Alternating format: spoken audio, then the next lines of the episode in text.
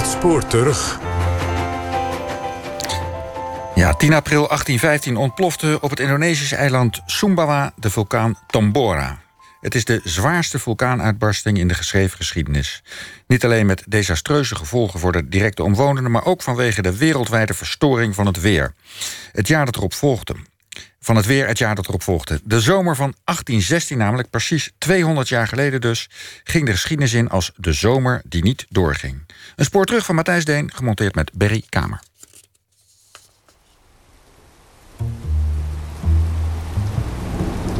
Het is 10 april 1815. In de Nederlanden trekt Willem I orde opleggend door zijn gebieden. De kranten staat dat hij in de grondwet zijn titel soeverein vorst en erfprins eenvoudigweg heeft laten veranderen door koning. En dat wie een vreemdeling ziet dat onmiddellijk moet melden bij de plaatselijke veldwachter. Men is nerveus, want Napoleon is weer naar Parijs gereden. Een boeggolf van onrust voor zich uitduwend. En de dichter Tollens dicht dat het roofdier gegezeld dient te worden. Te wapen, dicht hij. Wij volgen u met moed en macht waar Nassau's vanen wapperen. Wel nu die vanen wapperden op de 10 april 1815 in een rillerig oostelijk windje onder een half bewolkte hemel. Het was wat kil voor de tijd van het jaar. Het werd die dag nergens warmer dan een graad of 10. Diezelfde dag was op het Indonesische eiland Sumbawa in grote onrust verlopen. De Tambora, een ruim 4 kilometer hoge berg... die sinds mensenheugenis muisstil boven alles had uitgetorend... was wakker geworden en pufte en knalde en spuwde as en lava. Toen de avond begon te vallen, ging het hele eiland hellen. De zee trok zich terug en hemel en aarde begonnen te trillen was vulkanoloog Manfred van Bergen erbij geweest en had hij het kunnen navertellen. Nou, je vertelt eh, dan een verhaal dat er plotseling uh, enorme trillingen waarneembaar waren. De grond schudt en, en, en, beeft. Er komt een enorme grote bloemkoolachtige donkere wolk uit zo'n vulkaan. Die stijgt geleidelijk op naar hoogtes van 20, 30, 40 kilometer de lucht in. Alles wordt duister. Het gaat regenen, maar geen waterregen. Het gaat kleine asdeeltjes regenen. Het is alsof de, de laatste dagen van de aarde aangebroken zijn.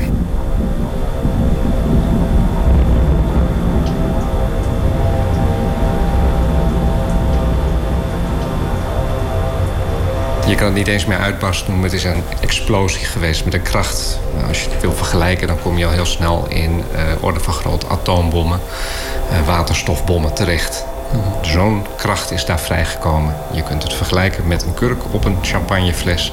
Als je de champagnefles heel hard schudt, dan op een gegeven moment knalt die kurk eruit. Misschien explodeert wel de hele fles. Dat is eigenlijk wat hier is gebeurd met een, met een, schokgolf die nou ja, honderden, duizenden kilometers verderop nog werd gehoord en werd gevoeld.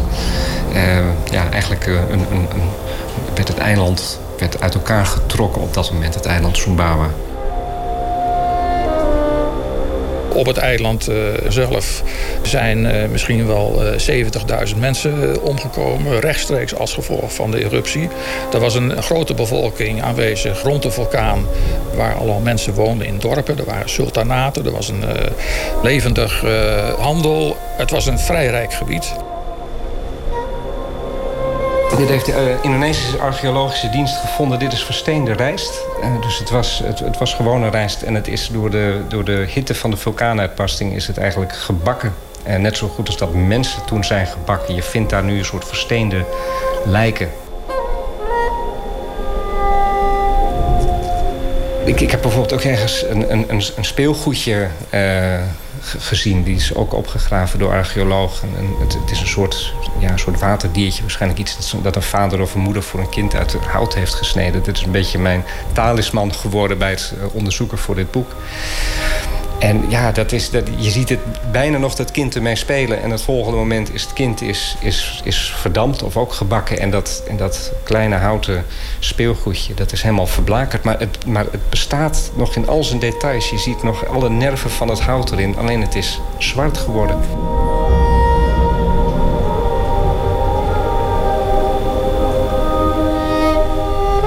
Dat is de stem van Philip Dreugen. Zijn boek, dat De Schaduw van Tambora heet, gaat maar heel gedeeltelijk over de ramp van de uitbarsting zelf. kracht van die explosie is natuurlijk een verhaal op zich, als de zwaarste vulkaanuitbarsting in de geschreven geschiedenis. Een uitbarsting die zo hevig was dat zelfs in een land vol vulkanen als Indonesië men eigenlijk niet goed begreep wat er gebeurd was. Kijk, dat er een uitbarsting was geweest, dat had, uh, had zelfs de, de gouverneur in, in Java had dat wel door. Want het, het regende as. Uh, het werd zelfs verduisterd. Er was zoveel as in de lucht dat het zonlicht er niet doorheen kwam. Hoeveel kilometer verder was dit? Oh, uh, dan heb je het zo over 1500 kilometer verderop. Uiteindelijk is, zijn, is het geluid van de uitbarsting zelfs 2600 kilometer verderop gehoord. In het puntje van Sumatra. Er zijn zelfs aanwijzingen dat mensen het in Maleisië hebben gehoord, het vasteland van Maleisië. Dus dat zou nog verder weg zijn. Alleen, ja, helemaal zeker is, is dat niet. Dus we hebben het over zo'n orde van grootte... Dat, dat mensen konden zich daar ook geen voorstelling van maken. Iedereen die dacht, het is de vulkaan die bij mij in de buurt ligt... die is uitgebarsten. Als je uh, ergens op Java zat, dan dacht je van nou, het, het, is uh, de, de Prauw bijvoorbeeld, die is uitgebarsten als je in Bandung was. Maar nee, het, het was een ding dat honderden of misschien wel duizenden kilometers verderop lag. En omdat men zich geen voorstelling van die grootte kon maken, is eigenlijk ook de reactie erop ja, heel lauw geweest. Niemand wist eigenlijk precies waar het dan was en waar ze de, waar ze de hulp ook heen moesten sturen. Hoe groot de onzekerheid en verwarring op Java was, blijkt wel uit de berichtgeving van de Java Government Gazette, de Engelstalige krant van het Britse bestuur, dat zelfs een kleine maand na de uitbarsting nog in onzekerheid verkeerde.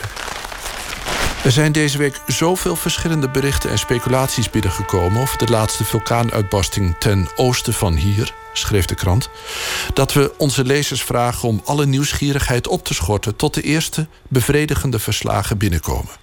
Het is nu wel bevestigd dat de uitbarsting heeft plaatsgehad op het eiland Sumbawa, dat, als dit zo is, ernstig moet hebben geleden gedurende deze vreselijke stuiptrekking van de natuur. Het was ook een rare periode, want Indonesië of Nederlands-Indië was een tijd bestuurd door de Britten omdat Nederland natuurlijk eh, met, met Napoleon vocht. En ja, je krijgt dan een, een, soort wisseling van de wacht daar. En eigenlijk midden in die wisseling van de wacht vindt dit plaats. Dus de, de, de organisatie in Nederlands-Indië was ook heel erg slecht. En heeft ook uiteindelijk er niet toe geleid dat er nou ja, tentenkampen werden opgezet voor, voor overlevenden. Of uh, hulpdiensten werden gestuurd naar de, naar de plek van het onheil. Uh, er gebeurde eigenlijk helemaal niks. Mensen moesten het zelf maar uitzoeken. Die uitbarsting, waarin ruim één kilometer van de berg de stratosfeer in werd geslingerd in één knal, was hoe onbegrijpelijk hevig ook. Alleen nog maar een startschot, een opmaat, een aanhef van een verhaal dat veel langer zou duren dan de ontploffing zelf. Het was de aanleiding tot de zomer van 1816. De zomer die niet doorging. Ja, die zomer ging niet door vanwege de verkoeling op de aardbodem. Wereldwijd uh, zijn er metingen gedaan. En als je daar een gemiddelde van neemt, betekent dat het ongeveer 1 graad lagere temperatuur is dan normaal. Nou lijkt dat heel weinig, maar dat is om het weer te beïnvloeden is heel veel. Uh, het levert ook grotere effecten op over de hoeveelheid neerslag die er plaatselijk neer zou kunnen komen. Dus het, in het algemeen levert het een flinke verstoring van de gebruikelijke weersomstandigheden op. Als je nu een, een, een, boom omzaagt in Mexico, die er twee eeuwen geleden al was, en je gaat zoeken in de ringen en je doet daar onderzoek op, dan vind je in die ringen de chemische handtekening van Tambora. Je moet je eigenlijk voorstellen dat er een soort zonsverduistering plaatsvond. Alleen zagen we de zon nog wel, alleen die as die hield de zon voor een heel groot gedeelte tegen. Dus die asdeeltjes die bereiken die grote hoogte. En dat is ook de reden waarom ze uh, lang daar in de lucht blijven zweven. Want uh, ze gaan, als ze zo hoog komen, de aarde rond. Asdeeltjes, maar ook uh, zwavelzuurdruppeltjes vooral. Want dat zijn meestal de boosdoeners. Ze schermen het zonlicht af. En dat betekent dat je dus een verkoeling krijgt aan het aardoppervlak een soort dun laken, een, een, een, dunne laag die daar, die daar hing. En die vervolgens voor alles en iedereen op de wereld het leven twee jaar lang ja, behoorlijk uh, zuur heeft gemaakt.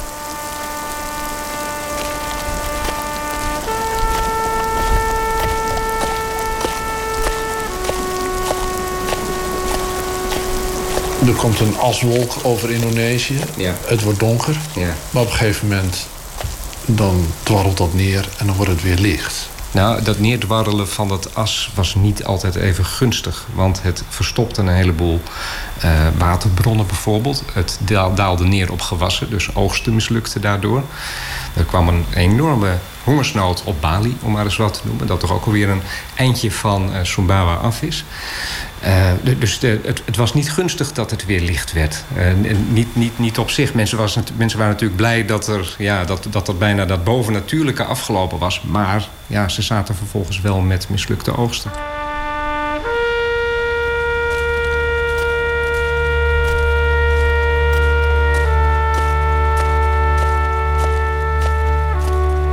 Het eerste land buiten de Indonesische archipel dat met de effecten van de uitbarsting te maken kreeg, was China. De keizer, die zich wekelijks liet informeren over het wel en wee in alle uithoeken van zijn rijk, kreeg verontrustende berichten binnen. Hier is het slecht weer, daar is het slecht weer, hier is de oogst mislukt. Eh, in het noorden is de oogst mislukt, in het oosten, in het westen. Dus hij had eigenlijk als enige ter wereld een compleet beeld van wat er mis aan het gaan was. Alleen hij kon er niks aan doen. Chinese keizers hadden wel een soort noodplan klaar liggen dat als op, in, in één regio de oogst mislukte, dan werd er een soort noodgewas, heet dat ook, werd aangeplant in een andere regio. Dat, werd er dan, dat voedsel werd daarheen gebracht, zodat mensen niet verhongerden. Alleen, er waren nu geen regio's waar het niet slecht weer was. Uh, er werd zelfs sneeuw gerapporteerd uit het subtropische zuiden van China. Dat hadden mensen nog nooit meegemaakt. Dus hij, hij kon niets doen aan de grootschalige hongersnood die in zijn land ontstond. In Europa staat niemands hoofd naar een of andere vulkaan op Sumbawa aan de andere kant van de wereld of misoogsten in China. Waterloo is geweest. En de vorsten en machthebbers van Europa zijn nu maar met één ding bezig. Tambora-ramp in april 1815 is eigenlijk wel heel symbolisch voor uh, de chaos in Europa op dat moment. Dat is de stem van Lotte Jensen, literatuurhistorica. Ze schreef een boek over het verzet tegen Napoleon in Nederland. En eigenlijk wat er ontstond nadat uh, Napoleon uh, bij Waterloo uh, uiteindelijk verslagen was, was echt de behoefte om rust en orde te creëren. Wat waren de hoofdaangeschreven deugden? Uh, nou, een van de deugden die in Nederland het heel goed deed, was de huiselijkheid natuurlijk. De, het huisgezin als, als kern van de samenleving, hoeksteen van de samenleving. Een van de bekendste dichters uit die tijd, uh, die ook heel bekend werd met zijn huiselijke verzen, is Tollens. Die bezong de deugd van het huiselijke leven. Um, en vertaalde dat als het ware naar de iets grotere uh, metafoor van het land, van de natie. Die, waar koning Willem I als een vader, zijn onderdanen, zijn huisgezin... allemaal zo uh, op een beter plan zou trekken. De eerste berichten die kwamen pas in november 1815 binnen... dat er een grote vulkaanuitbarsting was geweest in Indonesië. Dat, dat nieuws komt per schip. Er was geen andere manier. Dus het snelste schip, de schip deed er in die tijd een paar maanden over. En, en dan nog, het was een heel klein berichtje in de Times... heb ik gevonden als allereerste vermelding dat er iets aan de hand was. Ja, nou ja, de meeste mensen zullen, eh, als ze het al hebben gelezen... zullen hun schouders hebben opgehaald. Oh, daar stond gewoon... Dus een, groot, een, eh, een hele grote vulkaanuitbarsting geweest. Uh, waarschijnlijk op het eiland Sumbawa. En uh, er zijn waarschijnlijk heel veel doden, uh, maar we weten het niet precies. Daar komt het eigenlijk op neer. Dat was het hele bericht.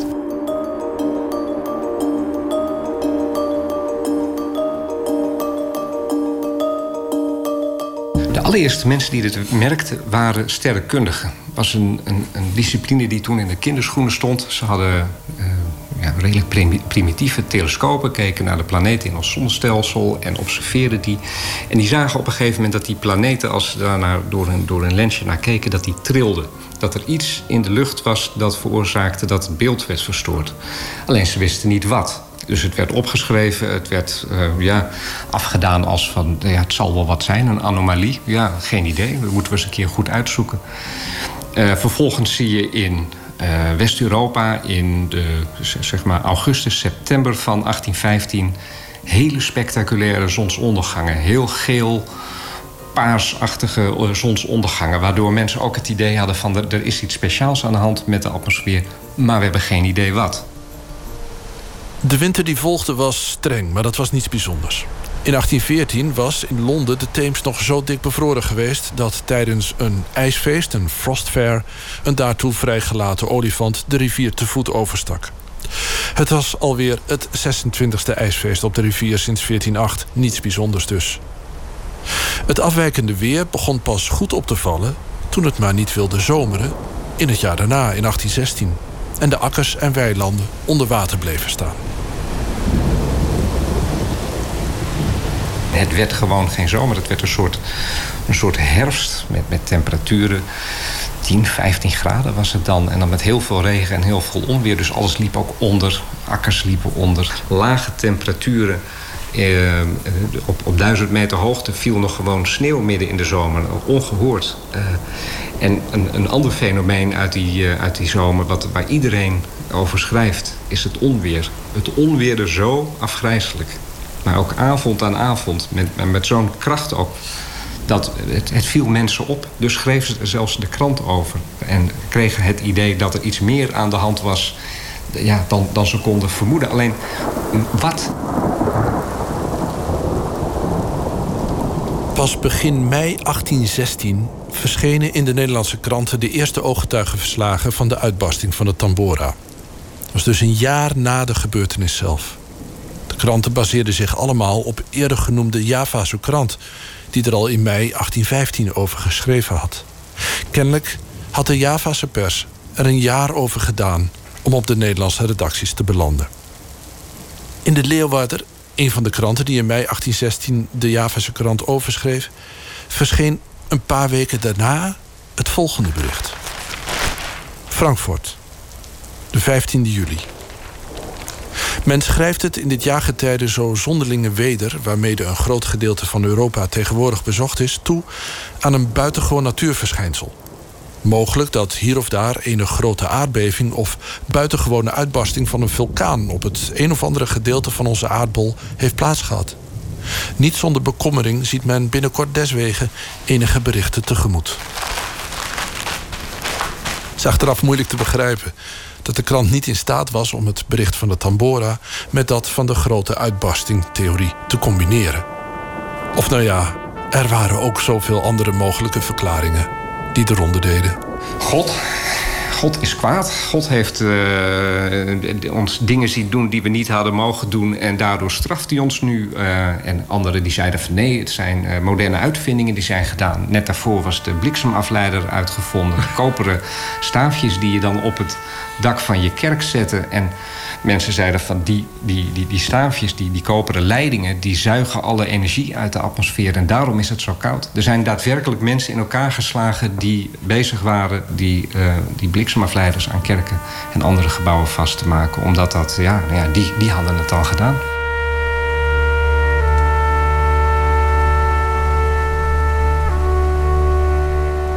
Nee, het was sowieso een continent in crisis. Uh, zeker in Frankrijk, een land dat natuurlijk heftig had geleden onder alles. En dit kwam er overheen. In Frankrijk is het vooral heel goed vastgelegd dat daar ook... doordat de oogsten mislukte allerlei ja, opstandjes uitbraken overal. Er zijn mensen ter dood veroordeeld omdat ze zeiden van wij willen eten. En ze hebben uh, steden en dorpen hebben ze overgenomen in de hoop dat ze dan zelf de voedseldistributie uh, ter hand konden nemen. En daar is uh, met harde hand mee afgerekend. Heb jij een idee van de schaal van de misoogsten? Ja, dat is, dat is, heel moeilijk te geven, ook al omdat er geen groot overzicht van is. Maar uh, in een land als, als Zwitserland, wat, wat toen nog niet bestond... maar laten we zeggen, wat, waar nu Zwitserland ligt... daar zijn uh, hele valleien zijn de, zijn de oogsten mislukt. En daar moest je het van de vallei hebben om je plaatselijke voedselvoorziening uh, op gang te houden. Dus je hebt regio's daar, daar is 80, 90 procent van de oogst mislukt. Dus daar was echt honger. Daar zijn uiteindelijk ook mensen omgekomen van honger. Als ze die vonden, de lijken, dan uh, zat er soms stro in de maag. Omdat het, uh, ja, dat is het enige dat mensen nog konden eten. In Nederland is er ook wel uh, honger geweest. Alleen ja, wij zaten wat meer in het, het, het, snijpunt van een aantal handelsroutes. Dus wij, bij ons was het iets makkelijker om eten te krijgen. Alleen voedselprijzen gingen enorm omhoog. je moest echt rijk zijn om, om goed eten te kopen. En zelfs de elite, de welgestelden en de rijken van Europa kregen met de zomer van 1816 van doen. Een rijtuig nadert Genève. Binnen op de kussens schommelt en stuitert een klein Engels gezelschap. Het zijn Percy Shelley, Mary Godwin en Claire Clermont. Ze leven van de wind Ook wel van geërfd geld, van literatuur en van vrije liefde. Claire bijvoorbeeld is in verwachting van Lord Byron, die een huis heeft gehuurd aan het meer van Genève.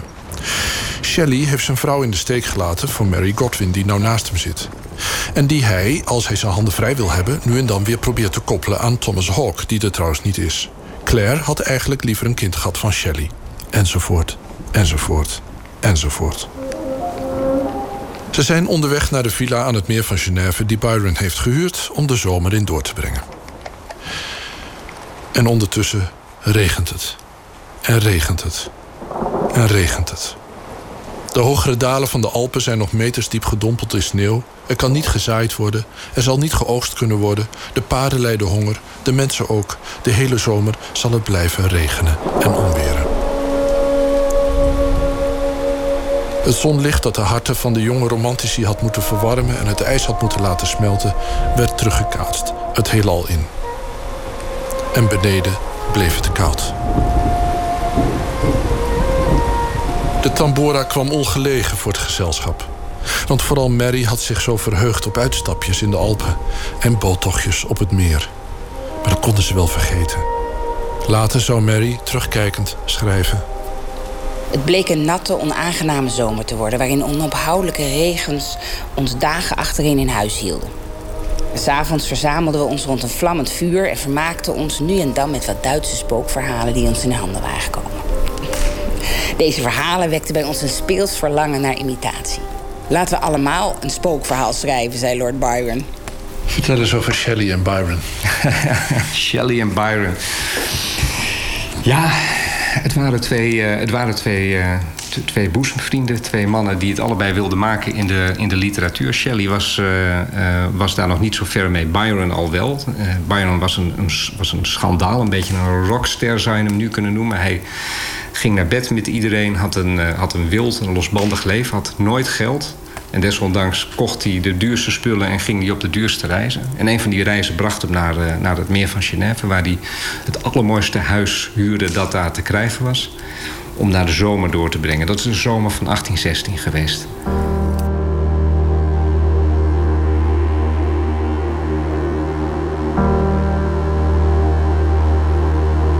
Shelley met zijn jonge bruid Mary die ging daarheen om daar op bezoek te gaan. Ze hebben daar ook een huisje gehuurd, een wat kleinere, ietsje, ietsje verderop. Om bij Byron in de buurt te zijn? Om bij, hem, om bij de grote ster in de buurt te zijn, want ze bewonderden hem enorm. Um, en ja, het werd eigenlijk een beetje een vakantie die in het water viel. Want het regende de hele tijd en het onweerde de hele tijd. En dan gingen ze met een bootje op het meer van Genève. En dan moesten ze echt heel snel weer naar de kant. Omdat het bootje bijna zonk, omdat het zo heftig onweerde en, en waaide op een gegeven moment besloten ze van we blijven maar gewoon thuis. We blijven maar in dit, in dit prachtige huis. En om er wat te doen te hebben, organiseerden ze een schrijfwedstrijd.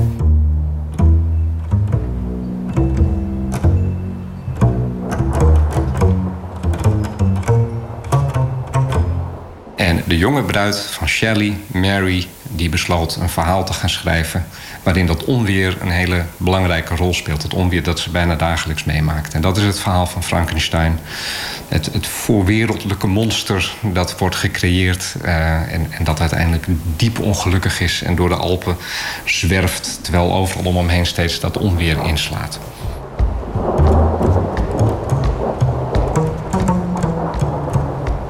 Alleen zo eenvoudig ging het nou ook weer niet. Terwijl Byron en Shelley avonden aaneen opgingen in elkaar zelf ingenomen brieën en conversatie, zocht Mary wanhopig naar een idee waarmee ze bij deze mannen voor de dag kon komen. En zo leuk zal het niet geweest zijn met de schuinsmarcheerde Byron, die alles deed om de door hem bezwangerde Claire Clermont te ontlopen, en de ontrouwe losbol Shelley, die, laten we er geen doekjes om winden, de vrouw met wie hij getrouwd was in zwangere staat voor haar had achtergelaten. En toen Mary in 1815 een kind van hem verwachtte... er nog eens op uit was. Met diezelfde Claire, die haar stiefzuster was. Toen het kind kwam en stierf, had Mary alleen Thomas Hawke... bij wie ze in brieven haar verdriet kwijt kon. Ze was nog maar 18 toen, Shelley nog maar 23. In 1816 is dat nauwelijks een jaar geleden.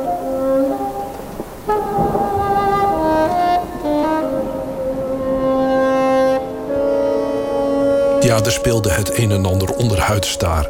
in dat huis aan het meer van Genève, bij dat haardvuur. Terwijl de regen eindeloos tegen de ramen sloeg... de luiken klapperden, de kazen walmden... en s'nachts de bliksem insloeg in de bergen om het meer. Tijdens de korte overtocht zag ik bliksemstralen... de prachtigste figuren vormen op de top van de Mont Blanc. Het onweer leek snel naderbij te komen... en toen ik aan de overkant gekomen was... beklom ik een lage heuvel om de nadering gade te slaan. Er was slepende twijfel, onverwerkt verdriet en een nachtmerrie voor nodig om haar op het idee te brengen van Victor Frankenstein en zijn ongelukkige monster. En speelt dat onweer en dat slechte weer een grote rol in het boek? Natuurlijk, het is er. Terwijl ik naar het prachtige en ook zo angstwekkende onweer keek, zag ik in het donker een gedaante verschijnen, die achter een groepje bomen in mijn nabijheid vandaan kwam. Een bliksemflits verlichtte het wezen en onthulde duidelijk zijn gestalte. Zijn gigantische postuur en zijn misvormde uiterlijk, afstotelijker dan een mens kan zijn, maakte me meteen duidelijk dat het de stakker was die ik tot leven had gewekt. Maar het gaat vooral om verlies van dierbaren, om verraad, de eenzaamheid van het monster, zijn verlangen naar liefde, die uitblijft, en de wraak. Als Victor Frankenstein belooft een vrouw voor hem te maken, maar het toch niet doet. Het was allemaal donker en regenachtig. En in oude druipende kastelen met dat onweer steeds om je heen. Met de bliksemschichten. Dat is echt een beeld dat we nu nog steeds zien in allerlei horrorfilms. Dat is eigenlijk de zomer van 1860.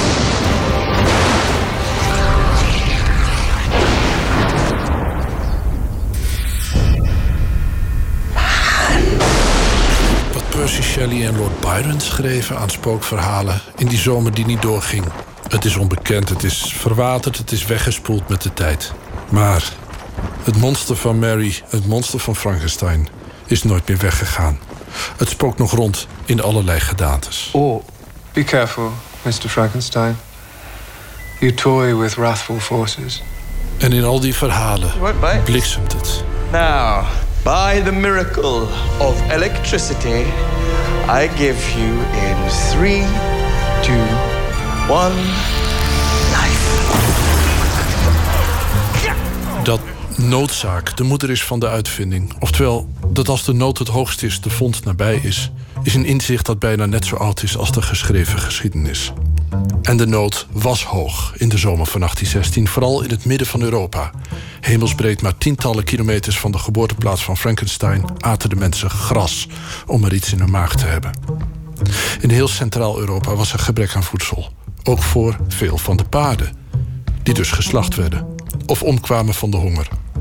En omdat de mensen voor het reizen afhankelijk waren van die paarden, ontstond bij afwezigheid de noodzaak iets nieuws uit te vinden. En een lagere edelman, zekere von Dreis, maakte daarop een paard van hout. De paarden werden gedood omdat er onvoldoende graan voor was. En wat gebruikte men in plaats van het paard? Toen zei nou, dan moeten we karretjes maken met uh, vier wielen of drie wielen of twee wielen. En op zeker moment had hij een, een tweewiel, wat wij de loopfiets noemden. En daar zaten natuurlijk geen trappers aan en ook geen ketting. In feite was de fiets waar je op stond. Je kon dus met je, met je voet, eh, met de bal van je voet, kon je bij de grond. En daar stapte je op, en fourché, zoals de Fransen dat zo mooi noemen. En fourché, omvarken van je fiets. En wat je deed is twee handen aan het stuur... en in feite twee voeten aan de grond. En je liep op die fiets door je beurtelings met je linker en je rechterbeen af te zetten... en met de stuur de weg te volgen. Mensen wisten niet wat ze zagen, want ze dachten van... ja, dat ding staat maar op twee wielen, dat valt om. Maar nee, dat gebeurde niet. Hij, hij, bewoog voort en hij bewoog zich snel voort. zijn allereerste tocht die hij ermee maakte... van Mannheim naar een soort paardenkoets uh, rustpunt... die heb ik zelf nagemaakt met een moderne fiets. Ik heb er net zo lang over gedaan als hij toen met zijn, met zijn uitvinding. Wat Druis ontdekte was dit. Dat het stuur wat erop zat om de weg te volgen... zeg maar op midden van de weg te blijven... kon die ook gebruiken om in evenwicht te komen en te blijven. En toen dat werkingsmechanisme eenmaal ontdekt werd, werd elke fiets tot op de dag van vandaag zo ontworpen dat het extra goed uit de verf kwam. En het is dus een trouvaille, het is een, een toevallige vondst, een ongezochte vondst. Hij was weliswaar uit op een iets wat het paard kon vervangen. Wist hij veel hoeveel jaren zonder zomers er konden komen. Nu weten we dat het maar één jaar was.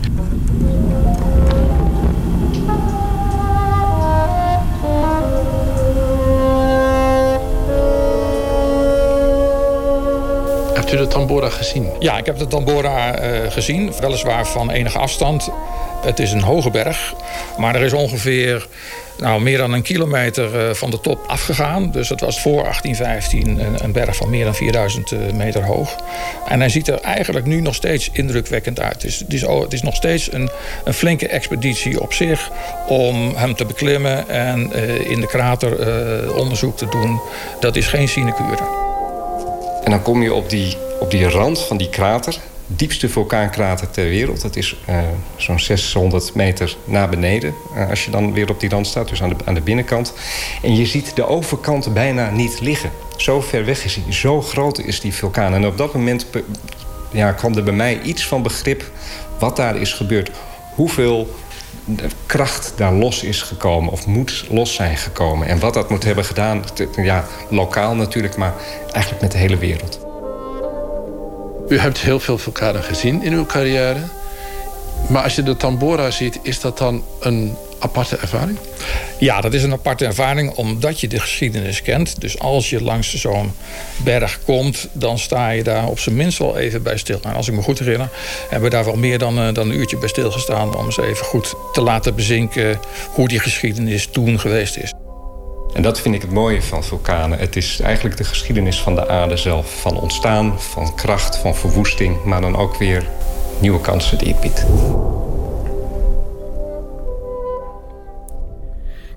Ja, dit was de zomer die niet doorging van Matthijs Deen... gemonteerd met Berry Kamer. En de stem van Maria Shelley werd ingesproken door Sanne Deurlo.